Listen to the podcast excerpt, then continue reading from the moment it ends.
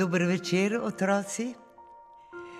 Poslušate lahko nočnice v oddaji Lahko noč, otroci. Nocoj bom z vami Milena Zupančič.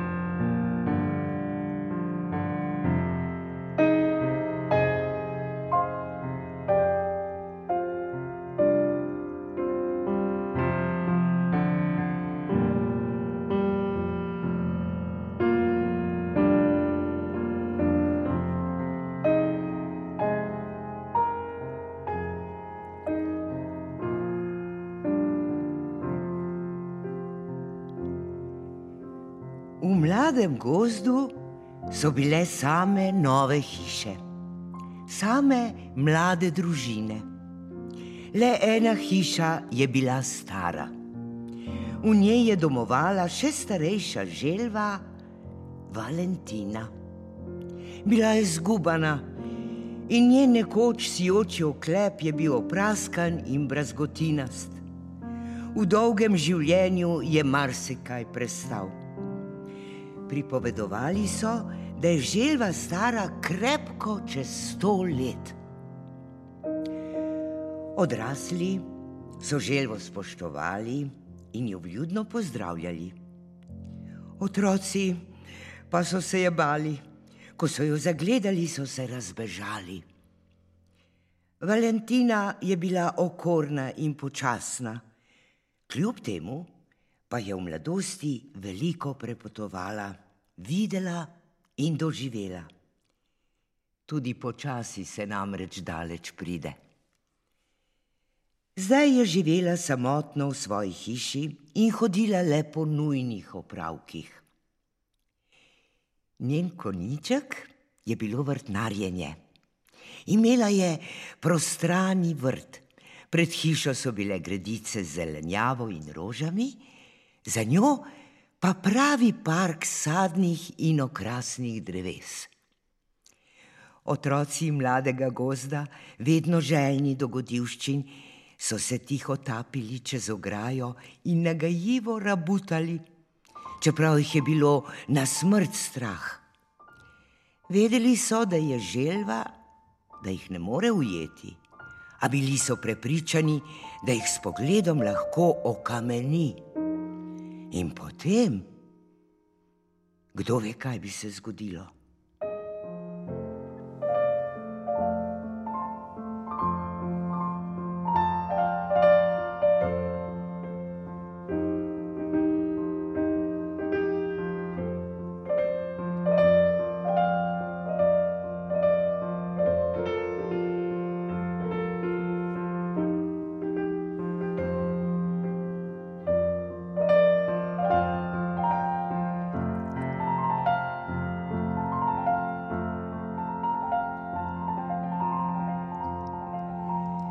Na drevju so takrat zorele marelice in vabile žametno sladkostjo. Veveričke in povci so se med igro ozirali k njim in se oblizovali.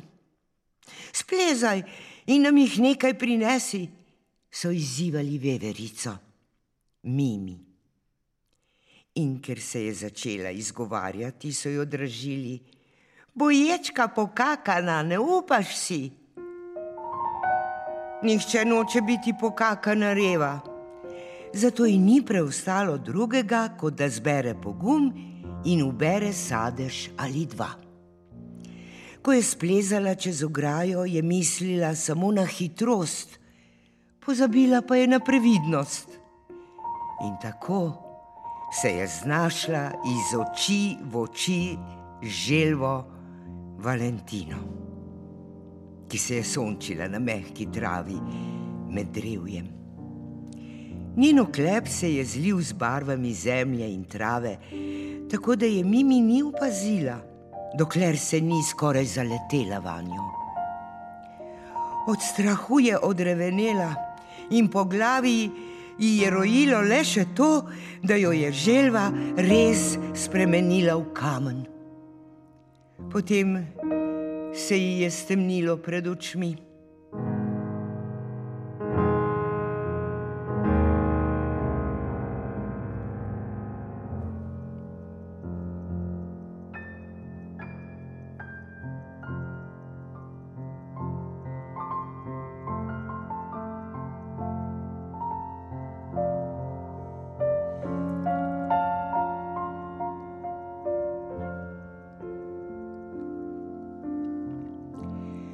Ko je prišla k sebi, je ležala v postelji, nekdo pa ji je pred gobčkom držal kozarec vode in ji mehko prigovarjal naj pije.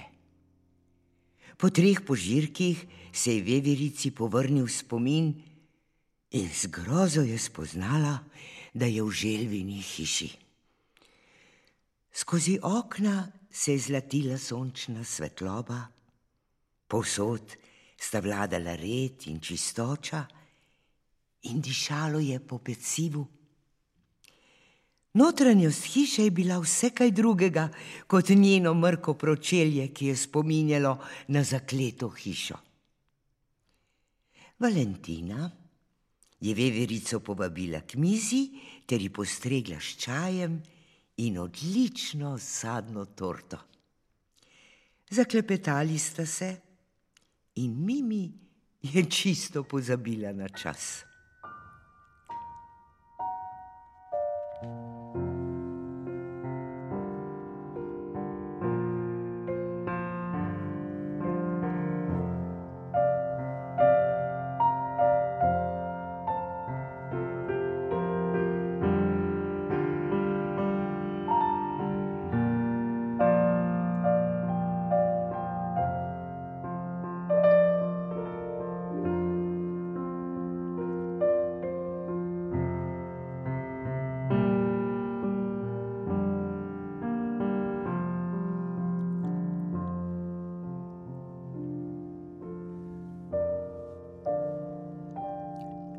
Domov moraš, da staršev ne bo skrbelo, jo je opomnila želva.